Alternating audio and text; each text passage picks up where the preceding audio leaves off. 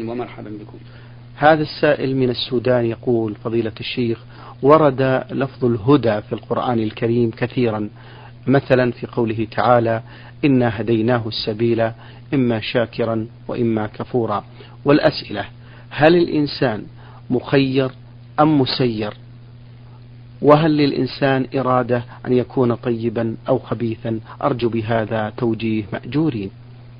الحمد لله رب العالمين وأصلي وأسلم على نبينا محمد وعلى آله وأصحابه ومن تبعهم بإحسان إلى يوم الدين. هذا السؤال هام جدا. وذلك أنه سأل عن الهداية المذكورة في قوله تعالى إنا هديناه السبيل إما شاكرا وإما كفورا وهل وسأل هل الإنسان مخير هل قال أو مسير؟ نعم. مخير أم مسير؟ هل الإنسان مخير أو مسير؟ وهل له إرادة أن يفعل أو لا يفعل؟ نعم. والجواب عن الأول أن الهداية المذكورة في القرآن تنقسم إلى قسمين. نعم. هداية دلالة وبيان وهداية توفيق وإرشاد. فأما الهداية الأولى فهي مثل الآية التي ساقها السائل وهي قوله تعالى إنا هديناه السبيل إما شاكرا وإما كفورا. يعني إنا بينا للإنسان السبيل والطريق الصحيح سواء كان شاكرا أو كان كفورا. فالكل بين له الحق لكن من الناس من من الله عليه فشكر والتزم بالحق ومن الناس من كان على خلاف ذلك.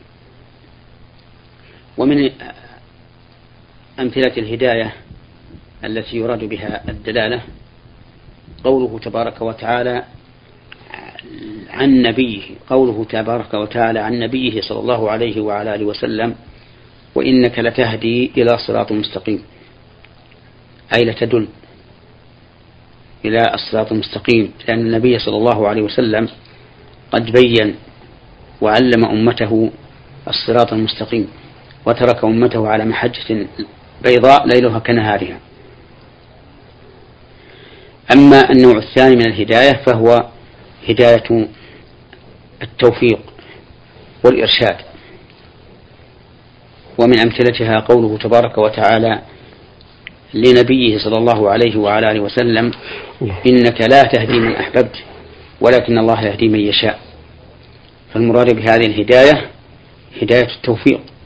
فإن النبي صلى الله عليه وعلى آله وسلم لا يملك أن يهدي أحدا هداية توفيق يوفقه بها إلى الإيمان والعمل الصالح.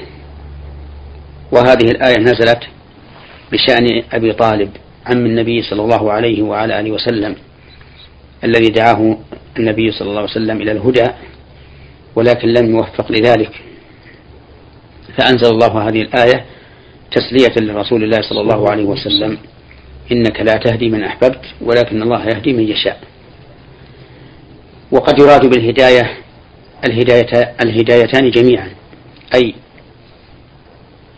هداية العلم والبيان وهداية التوفيق والإرشاد. ومن ذلك قوله تبارك وتعالى في سورة الفاتحة اهدنا الصراط المستقيم. فإن هذه هذه الآية تشمل هداية العلم والبيان وهداية التوفيق والإرشاد. والقارئ إذا قال اهدنا الصراط المستقيم يريد بذلك المعنيين جميعا. يريد أن يعلمه الله عز وجل ويريد أن يهديه أن يوفقه الله تعالى لسلوك الحق. هذا هو الجواب عن الجزء الأول في سؤاله.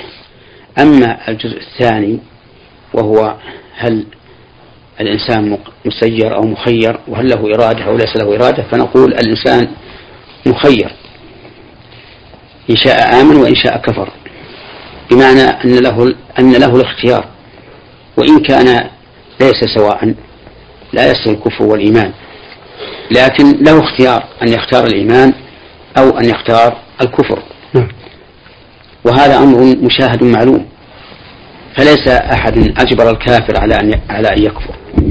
وليس أحد أجبر المؤمن على أن يؤمن بل الكافر كفر باختياره والمؤمن آمن باختياره. كما أن الإنسان يخرج من بيته باختياره ويرجع إليه باختياره وكما أن الإنسان يدخل المدرسة الفلانية باختياره ويدخل الجامعة الفلانية باختياره وكما أن الإنسان يسافر باختياره إلى مكة أو إلى المدينة أو ما أشبه ذلك. وهذا أمر لا إشكال فيه ولا جدال فيه ولا يمكن أن يجادل فيه إلا مكابر. نعم. نعم هناك أشياء لا يمكن أن تكون باختيار الإنسان كحوادث تحدث على الإنسان من انقلاب سيارة أو صدم أو سقوط بيت عليه أو احتراق أو ما أشبه هذا هذا لا شك أنه لا اختيار الإنسان فيه بل هو قضاء وقدر من ممن له الأمر. سبحانه ولهذا عاقب الله سبحانه وتعالى الكافرين على كفرهم. لأنهم كفروا باختيارهم. ولو كان بغير اختيار منهم لم يعاقبوا. ألا ترى أن الإنسان إذا أكره على الفعل ولو كان كفرا أو على القول ولو كان كفرا فإنه لا يعاقب عليه لأنه بغير اختيار منه. ألا ترى أن النائم قد يتكلم وهو نائم بالكفر وقد يرى نفسه ساجدا لصنم وهو نائم ولا يؤاخذ بهذا لأن ذلك بغير اختياره فالشيء الذي لا اختيار الإنسان فيه لا يعاقب عليه. فإذا عاقب الله الإنسان على فعله السيئة دل ذلك على أنه عوقب بحق وعدل لأنه فعل السيئة باختياره. و وأما توهم بعض الناس أن الإنسان مسير لا مخير من كون الله سبحانه وتعالى قد قضى ما أراد في علمه الأزلي بأن هذا الإنسان من أهل الشقاء وهذا الإنسان من أهل السعادة فإن هذا لا حجة فيه. وذلك أن الإنسان ليس عنده علم بما قدر الله سبحانه وتعالى إذ أن هذا سر مكتوم. لا يعلمه الخلق فلا تعلم نفس ماذا تكسب غدا.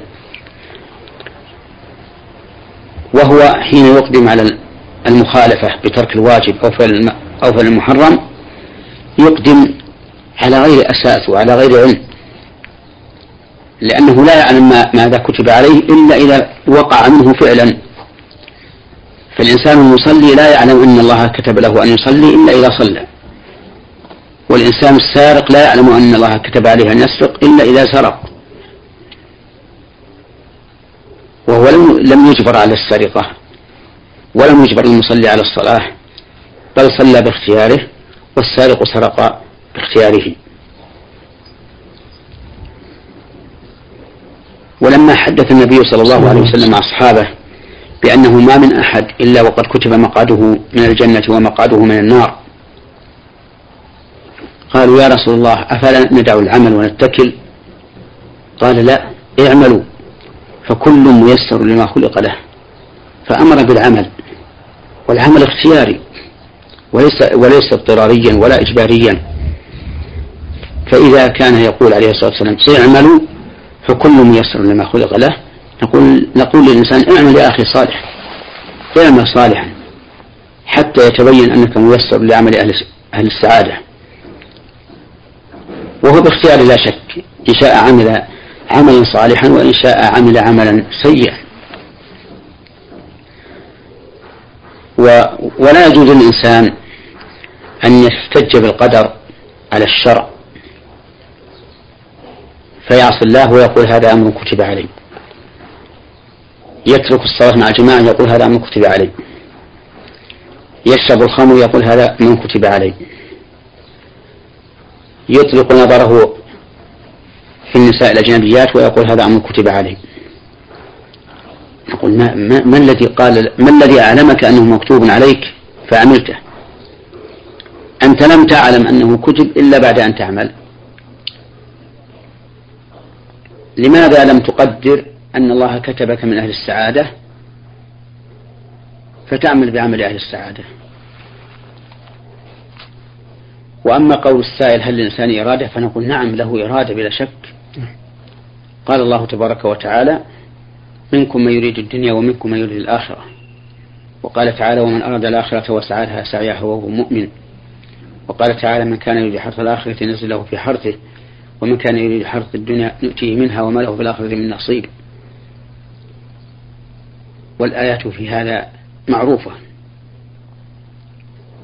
وكذلك الأحاديث معروفة في أن الإنسان يعمل باختيار وإرادة ولهذا إذا وقع العمل الذي فيه المخالفة من غير إرادة ولا اختيار عفي عنه. قال الله تعالى ربنا لا تؤاخذنا إن نسينا أو أخطأنا. فقال الله قد فعلت. وقال تعالى وليس عليكم جناح فيما أخطأتم به ولكن ما تعملت قلوبكم. وهذا الأمر ولله الحمد ظاهر ولا إشكال فيه إلا على سبيل المنازعة والمخاصمة والمنازعة والمخاصمة منهي عنهما إذا لم يكن المقصود بذلك الوصول الوصول إلى الحق. وقد خرج النبي صلى الله عليه وآله وعلى آله وسلم ذات يوم على أصحابه وهم يتنازعون في القدر فتأثر من ذلك عليه الصلاة والسلام. صلى الله عليه وسلم. لأن هذا النزاع لا يؤدي إلى شيء إلا إلى خصومة وتطاول كلام وغير ذلك وإلا فالأمر واضح ولله الحمد. نعم. بارك الله فيكم. هذا السائل من ليبيا بنغازي أسعد ميم ألف. فضيلة الشيخ حدثونا عن فضل السواك وعن أوقاته. فضل السواك قال فيه رسول صلى الله عليه وعلى آله وسلم السواك مطهرة للفم مرضاة للرب وهاتان أعظم فائدة. الفائدة الأولى الطهارة الحسية وهو تطهير الفم من الأوساخ تطهير الأسنان اللثة اللسان. والفائدة الثانية وهي أعظم أنه مرضاة لله عز وجل. وفي هذا الحديث حث على السواك لذكر الفائدتين. العاجلة والآجلة. فالعاجلة تطهير الفم والآجلة رضا, رضا الرب عز وجل. ويدل لفضله أن النبي صلى الله عليه وعلى آله وسلم قال لولا أن أشق على أمتي لأمرتهم بالسواك عند كل صلاة. يعني لأمرتهم أمر إيجاب. نعم. ولا يجب الشيء إلا لمصلحته العظيمة التي اقتضت أن يكون الناس ملزمين به. ولكن عارض هذه المصلحة العظيمة المشقة التي خافها النبي صلى الله عليه وعلى آله وسلم على أمته فترك إلزامهم بذلك. أما مواضع السواك المؤكدة فهي أولا عند الوضوء ومحل ذلك عند المضمضة وإن أخر التسوك إلى أن ينتهي من الوضوء كله فلا حرج. الثاني عند الصلاة سواء كانت الصلاة صلاة صلاة فريضة أو أم نافلة وسواء كانت صلاة ذات ركوع وسجود أو صلاة ليس فيها ركوع ولا سجود كصلاة الجنازة. الثالث عند القيام من النوم فإنه ثبت عن النبي صلى الله عليه وسلم أنه كان إذا قام من الليل يشوص فاه بالسواك. الرابع عند دخول المنزل. فإن النبي صلى الله عليه وسلم كان إذا دخل منزله فأول ما يبدأ به السواك. أو فأول ما يبدأ به السواك. وما عدا ذلك فإنه مشروع كل وقت. لكن يتأكد في هذه المواضع الأربع الأربعة. له فقرة أخرى فضيلة الشيخ يقول ما حكم الشارع في نظركم في الصلاة في مسجد به ضريح؟ الضريح يعني القبر. نعم. المسجد الذي فيه الضريح لا يخلو من حالين. نعم. إما أن يكون المسجد مبنيا على الضريح يعني على القبر فهذا لا تصح الصلاة فيه. لأنه مسجد لا يجوز إقراره شرعا بل يجب هدمه.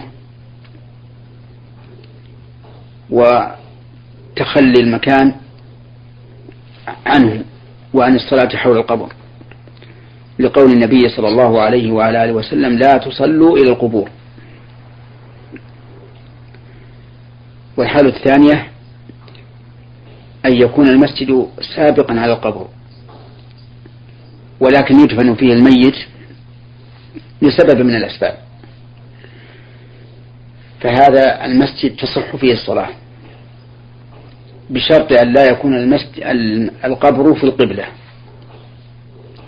ولكن يجب أن ينبش هذا القبر وأن يدفن مع الناس في المقبرة. ولا يحل إبقاؤه في المسجد لأن المساجد إنما بنيت للصلاة فيها لا للدفن فيها. ثم إن الميت لا ينتفع بدفنه في المسجد. الميت إن كان من أهل السعادة فهو في سعادة ولو دفن في أقصى البر. نعم. وإن كان من أهل الشقاوة فهو, فهو من أهل الشقاوة ولو دفن في المسجد. صحيح. وإن بهذه المناسبة ننصح إخواننا الذين ابتلوا بهذا أن يطالبوا إما بهدم المسجد إن كان مبنيا على القبر بأن يكون القبر سابقا عليه ثم بني عليه المسجد وإما بإخراج الميت من قبره إلى المقابر مع الناس حتى يسلم. نعم. وإما بإخراج الميت من قبره حتى يدفن مع الناس إذا كان المسجد سابقا على القبر. لأنه ليس لأهل الميت الحق في أن يدفنوه في المسجد الذي أعد للصلاة. نعم. بارك الله فيكم.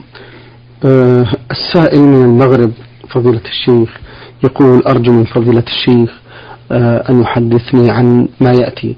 أولا أسمع عن الأولياء هذه الفقرة الأولى وأسمع عن الكرامات التي تحصل لبعض الأتقياء فهل لكم أن تحدثون عن صحة ذلك مأجورين؟ أولا يجب أن نعلم من هم الأولياء. من هم أولياء الله؟ فنقول أولياء الله سبحانه وتعالى من ذكرهم الله في قوله ألا إن أولياء الله لا خوف عليهم ولا هم يحزنون الذين آمنوا وكانوا يتقون. فمن كان مؤمنا تقيا كان لله وليا. سواء أشهره العامة وزعموه وليا أم كان خفيا عن الناس لا يحب أن يظهر. فالولي هو المؤمن التقي. هذه واحدة. ثانيا هل لكل ولي كرامة؟ والجواب لا. ليس لكل ولي كرامة بل من الأولياء. من يعطيه الله تعالى كرامة محسوسة يشهدها بنفسه ويشهدها الناس ومن الناس من يجعل كرامته ومن الناس من يجعل الله كرامته زيادة إيمانه وتقواه. وهذه الكرامة أعظم من الكرامة الأولى الحسية. لأن هذه الكرامة أنفع للعبد من الكرامة الأولى. إذ أن الكرامة الأولى سبب لزيادة الإيمان والتقوى وأما زيادة الإيمان والتقوى فهي الغاية. ولهذا نجد أن الصحابة رضي الله عنهم تقل فيهم الكرامات بالنسبة للتابعين لأن كرامات الصحابة في زيادة إيمانهم وتقواهم. والتابعون ليسوا مثل الصحابة في ذلك فلهذا كثرت الكرامات في عهدهم. أكثر من كرامات من الكرامات في عهد الصحابة رضي الله عنهم. والكرامات إما أن تكون في العلوم والمكاشفات وإما أن أن تكون في ظهور آه، التأثيرات والقدرات. فأما الأول فأن يكشف للإنسان عن شيء لا يعلمه غيره كما ذكر عن أمير المؤمنين عمر بن الخطاب رضي الله عنه. أنه كان يخطب الناس يوم الجمعة على منبر رسول الله صلى الله عليه وعلى آله وسلم فسمعوه يقول الجبل يا سارية الجبل يا سارية. فتعجبوا من ذلك. فكان الأمر أن أحد القواد حوصر في مواجهة بينه وبين وبين أعدائه فكشف لعمر رضي الله عنه عنه نعم. وهو على المنبر فخاطبه يقول الجبل يا سارية. فسمعه القائد فانحاز إلى الجبل. الله فهذا توجيه من القائد الأعلى عمر بن الخطاب رضي الله عنه إلى قائد السرية أو الجيش من مكان بعيد وسمعه وليس هناك في وليس في ذلك الوقت تلفونات هوائية ولا سلكية ولكنها قدرة الله عز وجل. هذه كرامة في المكاشفات كشف الله له ما لم يكن لغيره. ومن, ومن ذلك أيضا الكرامة في القدرة. في القدرة بأن يجعل الله تعالى للإنسان قدرة لم تكن لغيره. ومن ذلك ما يذكر في غزوات سعد بن أبي وقاص رضي الله عنه أنه كان يغزو الفرس فيفتح يفتح الله عليه بلادهم بلدا بعد بلد حتى وصل إلى نهر دجلة ولما وصل إلى النهر وجد أن الفرس قد أغرقوا السفن وكسروا الجسور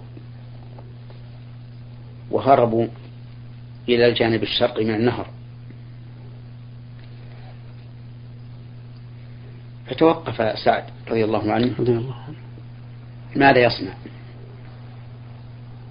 فدعا سلمان الفارسي رضي الله عنه وكان ذا خبرة في أحوال الفرس وما يصنعونه عند القتال. فاستشاره أي أن سعد استشار سلمان الفارسي ماذا يصنع؟ فقال له يا سعد ليس هناك شيء يمكن أن نعمله إلا أن ننظر في الجيش.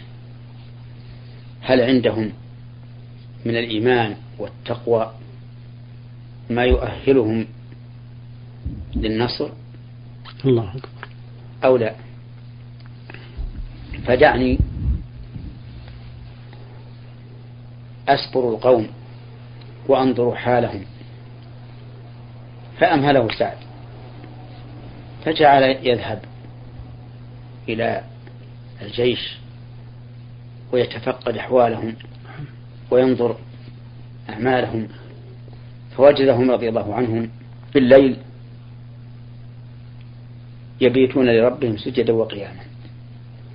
وفي النهار يصلحون أحوالهم ويستعدون للقتال. فرجع بعد ثلاث إلى سعد بن أبي وقاص وأخبره الخبر وقال إننا لسنا إن قوم موسى ليسوا أحق بالنصر منا فقد فلق الله لهم البحر وأنجاهم من فرعون وقومه. ونحن سوف نعبر هذا هذا النهر بإذن الله. فأذن سعد رضي الله عنه بالرحيل والتقدم إلى النهر وقال إني مكبر ثلاثا فإذا كبرت الثالثة فسموا واعبروا. ففعلوا. فجعلوا يخوضون الماء كأنما يمشون على الصفا. الله أكبر. خيلهم ورجلهم وإبلهم حتى عبروا النهر. وهو يجري يطرف بزبده. فلما رآهم الفرس قال بعضهم لبعض إنكم لا تقاتلون إنسا وإنما تقاتلون جنا. فهربوا. فهربوا من المدائن وهي عاصمتهم حتى دخلها المسلمون وفتح الله فتح الله عليهم. هذه كرامة. قدروا على أمر لا يقدر عليه البشر بمقتضى قدراتهم حيث خاضوا الماء والنهر يمشي.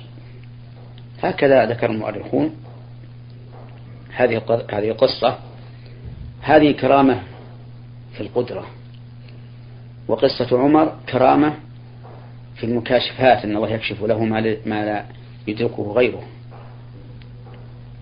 وتكون الكرامة في في العلم بأن يفتح الله على الإنسان من العلم ما لا يفتحه على على غيره.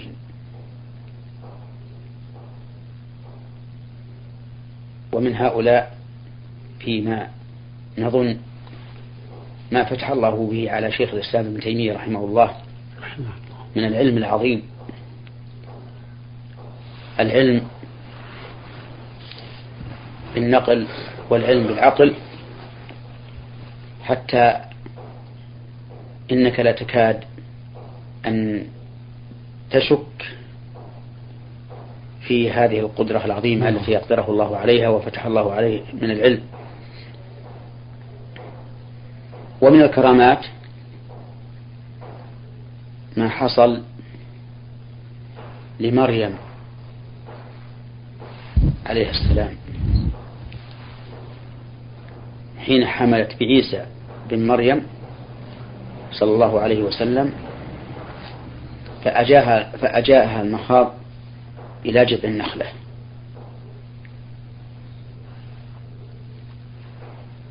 وجلست على هذا الجذع؟ فقالت يا ليتني مت قبل هذا وكنت نسا منسيا فناداها من تحتها ألا تحسني؟ قد جعل ربك تحتك سريا وهزي إليك بجذع النخلة تساقط عليك رطبا جنيا قال هزي إليك بجذع النخلة. وهي امرأة. ماخذ تهز بجذع النخلة فيهتز فرعها ومن المعلوم أن الهز بجذع النخلة حسب العادة لا يمكن أن يهتز به فرع النخلة. لكن اهتز فرع النخلة وتساقط منه الرطب. والنخلة لا شك أنها فوق قامة الإنسان لأنها لو كانت بقدر القامة لتناولت الرطب بيدها. هذا من آيات الله وهو من كرامة مريم عليه السلام. شكر الله لكم من فضيلة الشيخ وبارك الله فيكم وفي علمكم ونفع بكم المسلمين. أيها الإخوة الأحباب أيها الإخوة المستمعون الكرام أجاب على أسئلتكم فضيلة الشيخ محمد